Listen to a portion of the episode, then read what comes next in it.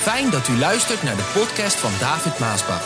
We hopen dat u erdoor geïnspireerd en opgebouwd wordt.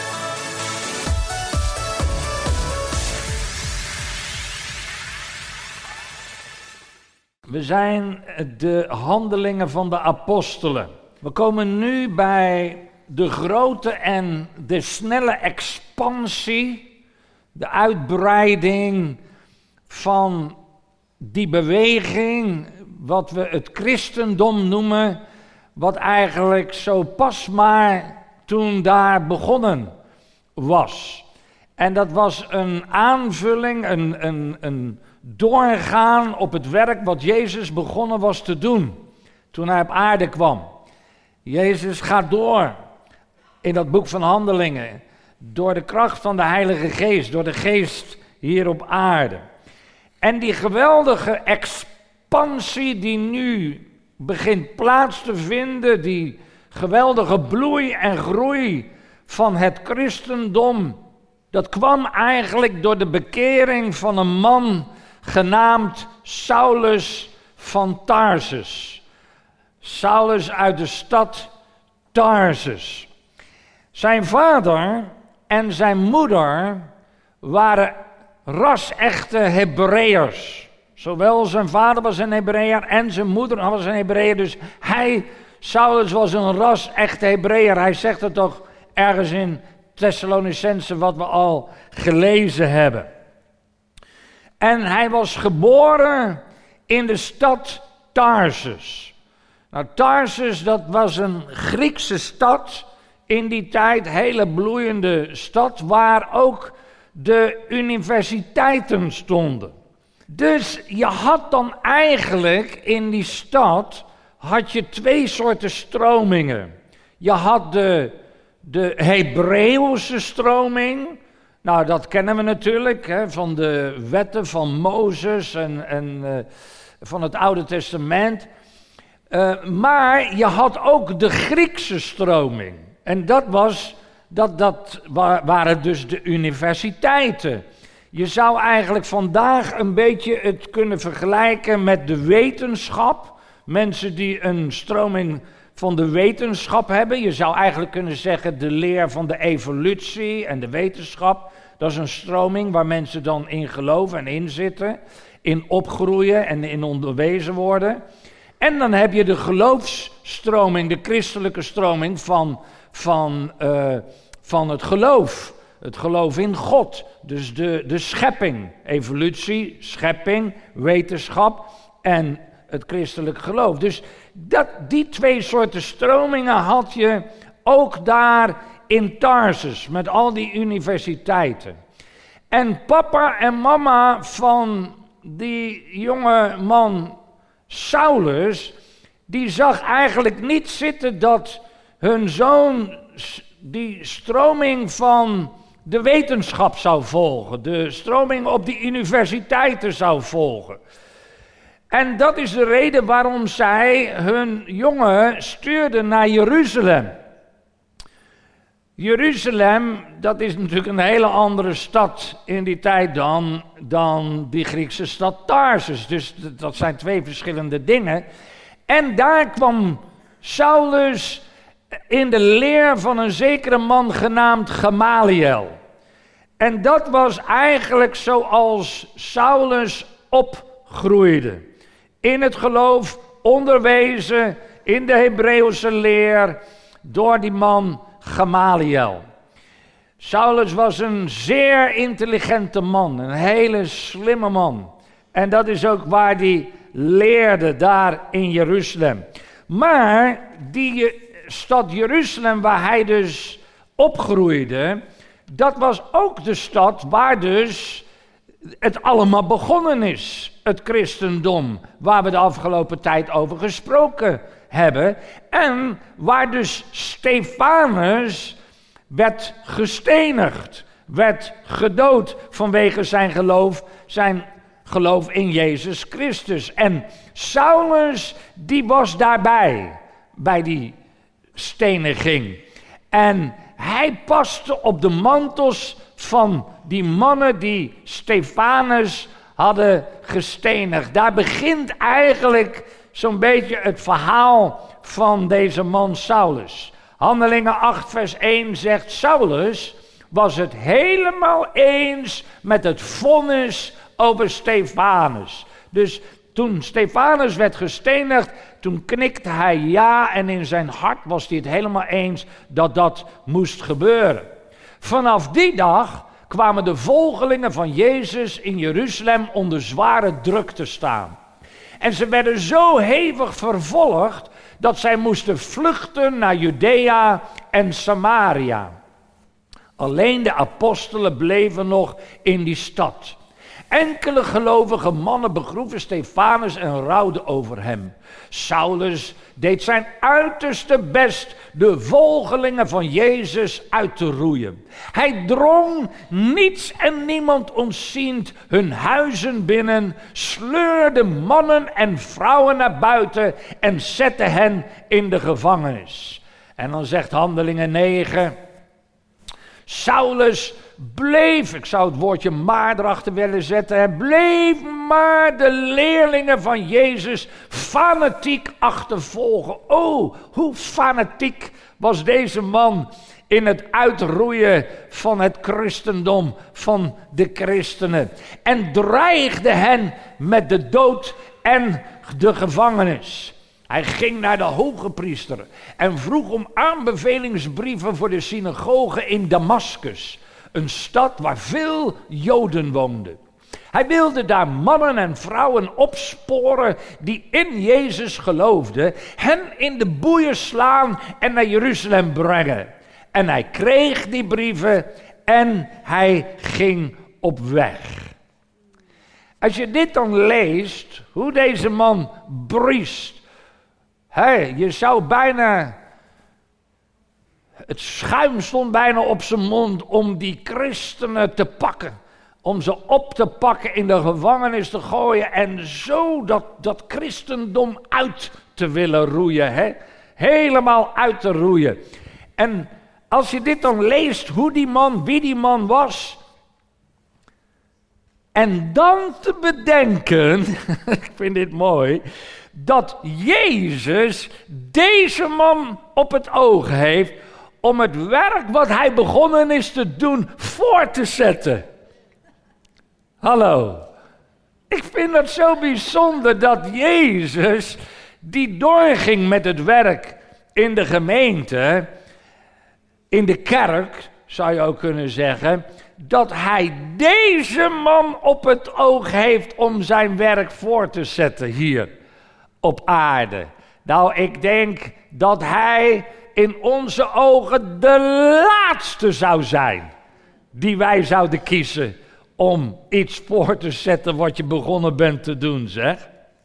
Nou, terwijl Saulus dan op weg is naar Damascus, dan, en voor datzelfde doel, dan ontmoet hij Jezus. Handelingen 9 zegt, toen hij in de buurt van Damascus kwam, flitste er plotseling een licht vanuit de hemel dat hem omstraalde. Hij viel op de grond en hij hoorde een stem. Saul, Saul, waarom vervolg je mij? Wie bent u, Heere? vroeg Saulus. Ik ben Jezus, zei de stem, die u zo fanatiek vervolgd. Nou, dit was eigenlijk het moment wat hier gebeurde. Hè? Dat was zo, zo bovennatuurlijk, zo bijzonder in het leven van deze man Saulus. Die maar één ding in zijn hart, in zijn hoofd heeft. Eén opdracht, één roeping. Want zo voelde hij het als een roeping om het christendom uit te roeien dat hij hier, dat zijn ogen open gingen, dat Jezus en de kerk één was. Of één is, zou ik eigenlijk moeten zeggen. Hier kreeg hij die openbaring in een flits second dat Jezus één is met de kerk die hij zo aan het vervolgen is. Het vervolgen van de kerk staat gelijk aan het vervolgen van Jezus. Het vervolgen, het beschadigen van de gemeente staat gelijk aan het beschadigen van Jezus. Dat is wat hij hier zag. Want Jezus zegt, je vervolgt mij. En wat was hij op dat moment aan het doen? Hij was de kerk aan het vervolgen. Hij was het christendom aan het vervolgen. Jezus zei eigenlijk hier tegen Saulus: Saulus, wat jij hun hebt aangedaan, die christenen, die mannen, die vrouwen, die jongens, dat meisje, wat jij hun hebt aangedaan, dat heb je mij aangedaan. De stenen die Saulus, die Stefanus raakte, Saulus die raakte mij. De wonden die Stefanus zijn aangebracht, die hebben mij verwond. Elke steen die hij voelde, die voelde ik. Lieve mensen, zo is het vandaag nog steeds. Het beschadigen van de gemeente op welke manier dan ook is het beschadigen van Jezus Christus. Elke dolksteek, elke pijl, elke speer die je naar de gemeente richt en afschiet en beschadigt, die voelt, die voelt hij. Die voelt Jezus. Het is als die droom wat mijn papa had. Het staat ook in zijn autobiografie waarom ik Christus predik, dat hij daar dat een lichaam zag. Gewoon alleen een lichaam. Zonder hoofd, zonder armen, zonder benen. Gewoon een lichaam, maar helemaal doorstoken met een dolk. En hij zag dat dat was zijn lichaam en toch weer niet. Het was niet zijn lichaam, het was het lichaam van Jezus. De dolksteken die ze hem hebben aangebracht, die hebben ze hem aangebracht. En zo, lieve mensen, is het vandaag nog steeds precies hetzelfde. Daarom moeten wij het lichaam onderscheiden. Mensen die gaan zomaar weg van een gemeente naar een andere gemeente. Mensen praten over de gemeente. Mensen roddelen over de gemeente. Mensen spreken kwaad over de gemeente. Als je dat doet, dan doe je het hem aan.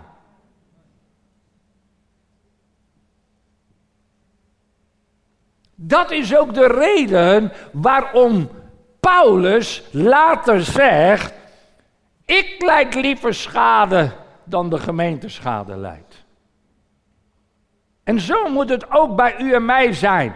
Dat als er iets gebeurt in de gemeente, en mensen, er gebeurt altijd wel iets. Er gebeurt altijd wel iets in de gemeente.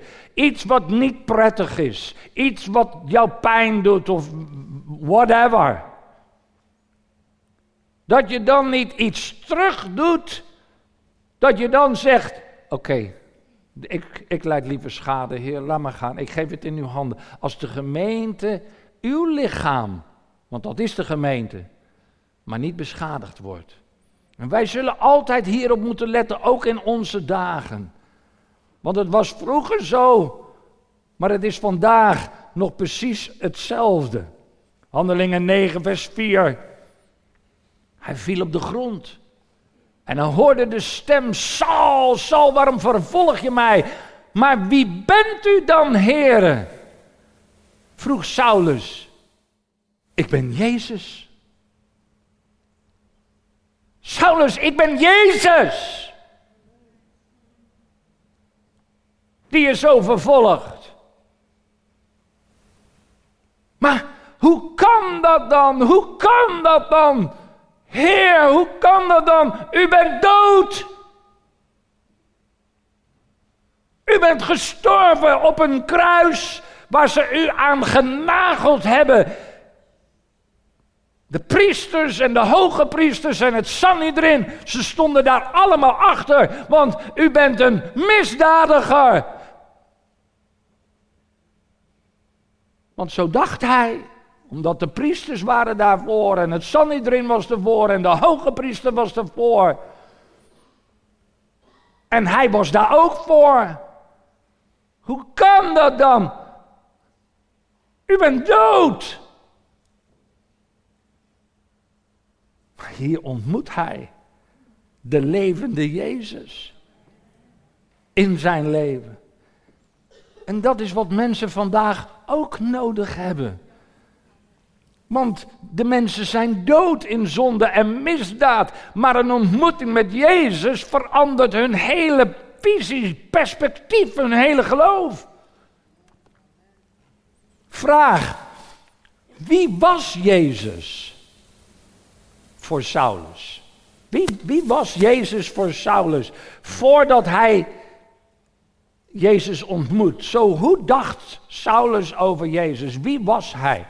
Nou, Jezus was voor Saulus dood. Een schande. En Saulus haatte Jezus, net als de hoge priester, net als de priesters en het hele Sanhedrin en die hele kliek. Met dezelfde geest vervuld, zo, zo Saulus wist niet beter, zo was hij opgegroeid en opgevoed, die haatte Jezus ook. Jezus was een schand, een schande. Zo, de Jezus waarvan Saulus dus overtuigd was dat hij dood was, want dat was zijn overtuiging, die leefde met deze ontmoeting. De Jezus die voor Saulus in de geschiedenis van het Joodse geloof een schandvlek was, want zo praten hun allemaal over Jezus. Die was nu het middelpunt in het felle licht van een hemelse glorie wat hij daar zag. De Jezus die hij haatte, die sprak nu tot hem in een taal van goddelijke liefde. Oh, zo mooi. Dat was de ontmoeting wat hier gebeurde tussen de levende Jezus en deze man Saulus. Wat een ontmoeting, hè? Nou, Jezus die geeft Saulus eigenlijk een hele één, hele simpele opdracht in Handelingen 9, vers 6. Daarna zegt Jezus: Sta op en ga de stad in. Daar zal u gezegd worden wat u moet doen. Dat was alles. Wat Saulus hier moest doen. Jezus zegt, sta op, ga naar de stad en daar zal je gezegd worden wat je moet doen. Vraag, was dit wel zo'n simpele opdracht? Want je leest even over zo'n regeltje heen, hè, over zo'n opdracht heen. Was dit eigenlijk wel zo simpel? Voor Saulus? U zegt misschien, ja hoor, hij moet gewoon de stad in en dan wordt hem gezegd. Maar antwoord, ik geloof het eigenlijk van niet. Ik denk het namelijk van niet. Want dan moet je even nadenken wie Saulus was. Zij die zoveel tegen Jezus waren, en de christenen, die zagen in hem, in Saulus, hun leider om het christendom verder uit te roeien. Dus hij ging dus naar Damascus, naar die mensen die zo fel, net als hij was, tegen Jezus. En zij zagen in hem de grote leider, want hij kwam met de brieven van de overpriesters. Om dus het christendom, wat zij ook wilden, om dat christendom verder uit te roeien. En B, zij die voor Jezus waren, die zagen in Saulus hun grootste vijand. Dus hij ging naar mensen toe die voor Jezus waren, waarvan hij een vijand was. En hij ging naar mensen toe die tegen Jezus waren, die in hem de grote leider zagen om het christendom verder uit te roeien. Maar Jezus, die zei daar, ga. Ga naar de stad en daar zal jou gezegd worden wat je moest doen. De mannen die bij hem waren, bij die bekering hier, bij die ontmoeting met Jezus, die brachten Saulus, want die was blind door dat felle licht, die brachten hem naar Damascus.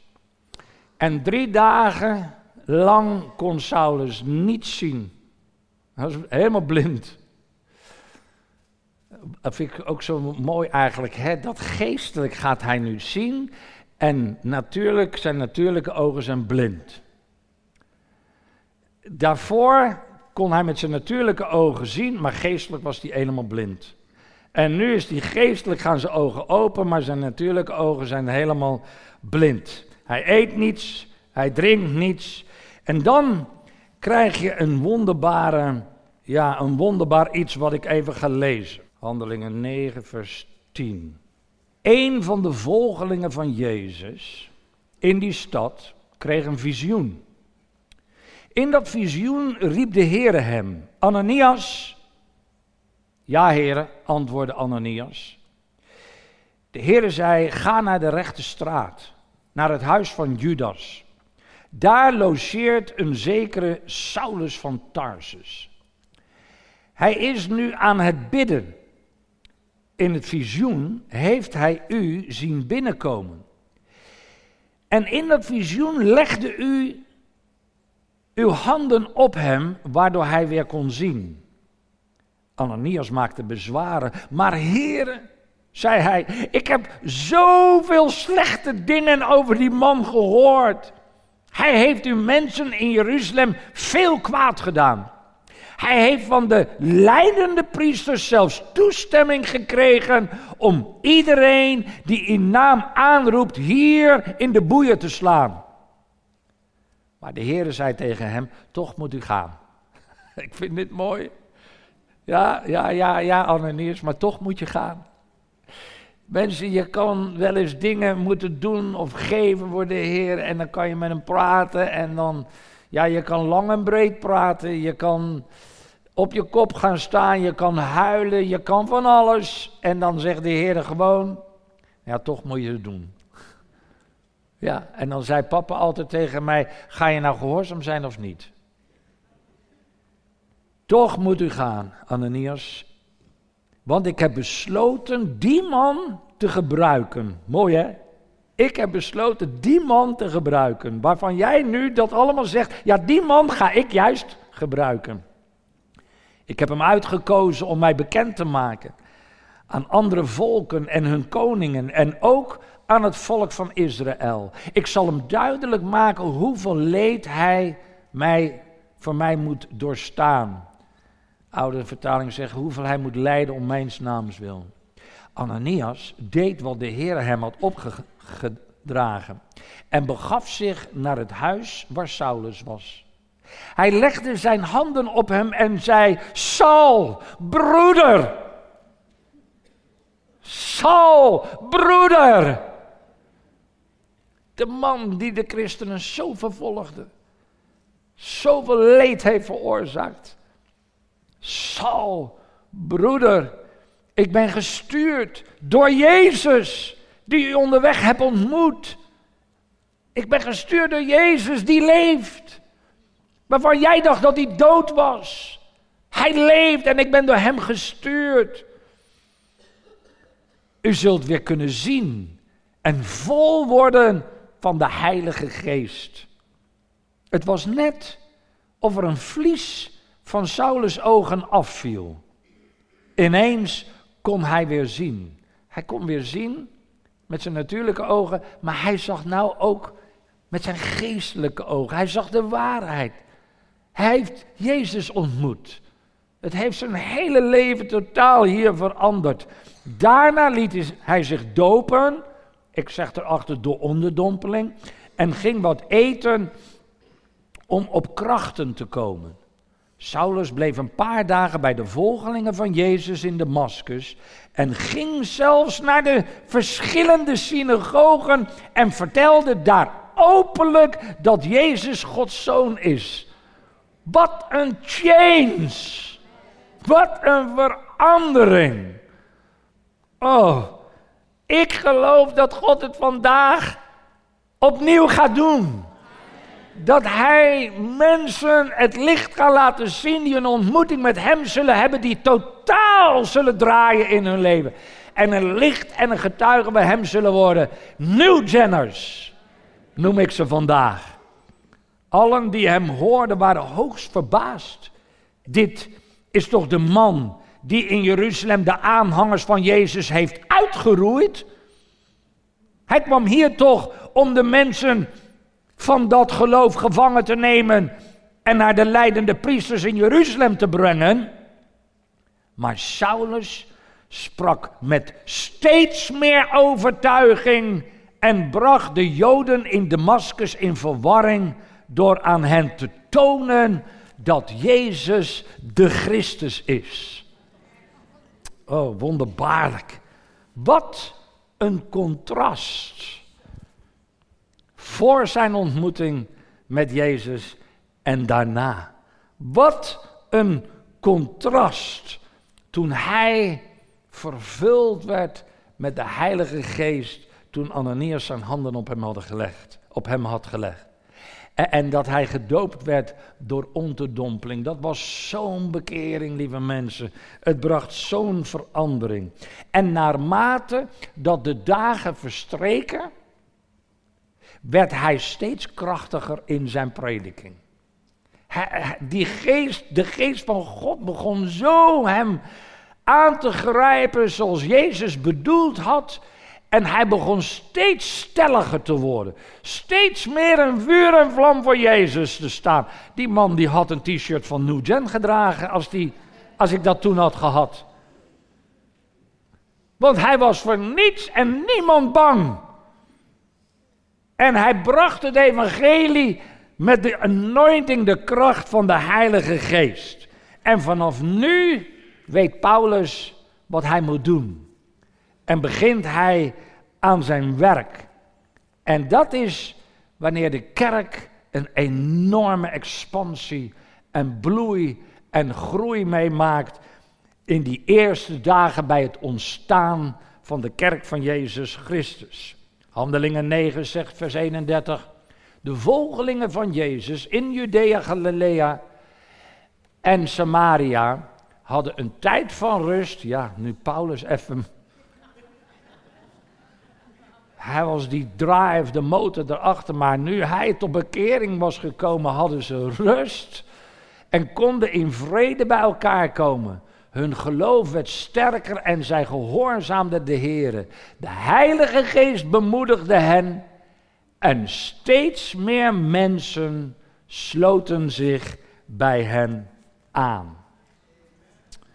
Nou, vanaf nu, vanaf dit punt, is het telkens een herhaling van die eerste dingen waar wij de afgelopen maanden in het boek De Handelingen van de Apostelen over gesproken hebben. Hè? De wonderen, de tekenen, de doop met de Heilige Geest, de tegenstand, de vervolging, het stichten van kerken, evangelisatie, weer nieuwe bekeringen, weer de wonderen, weer de tegenstand, weer de vervolgingen.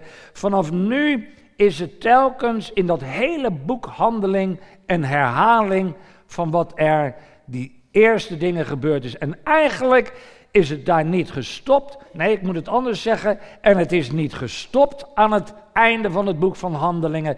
Het is tot op de dag van vandaag een herhaling van hetgeen wat Jezus is begonnen te doen toen hij op aarde wandelde.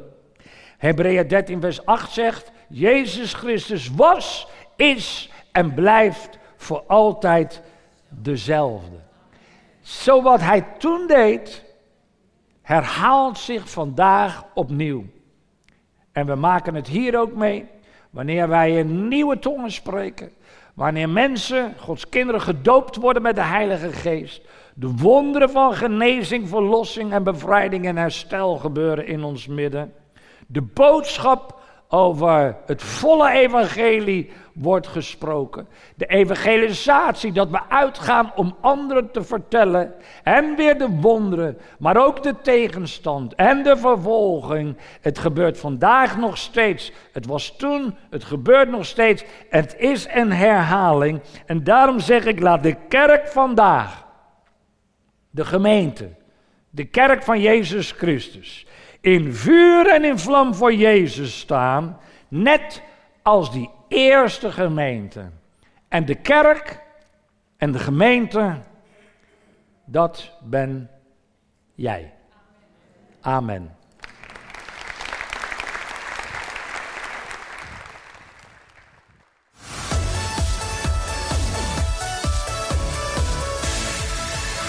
Bedankt voor het luisteren naar deze podcast. Wilt u meer preken beluisteren? Ga dan naar message.maasbachradio.com. Bezoek ook eens onze website www.maasbach.nl.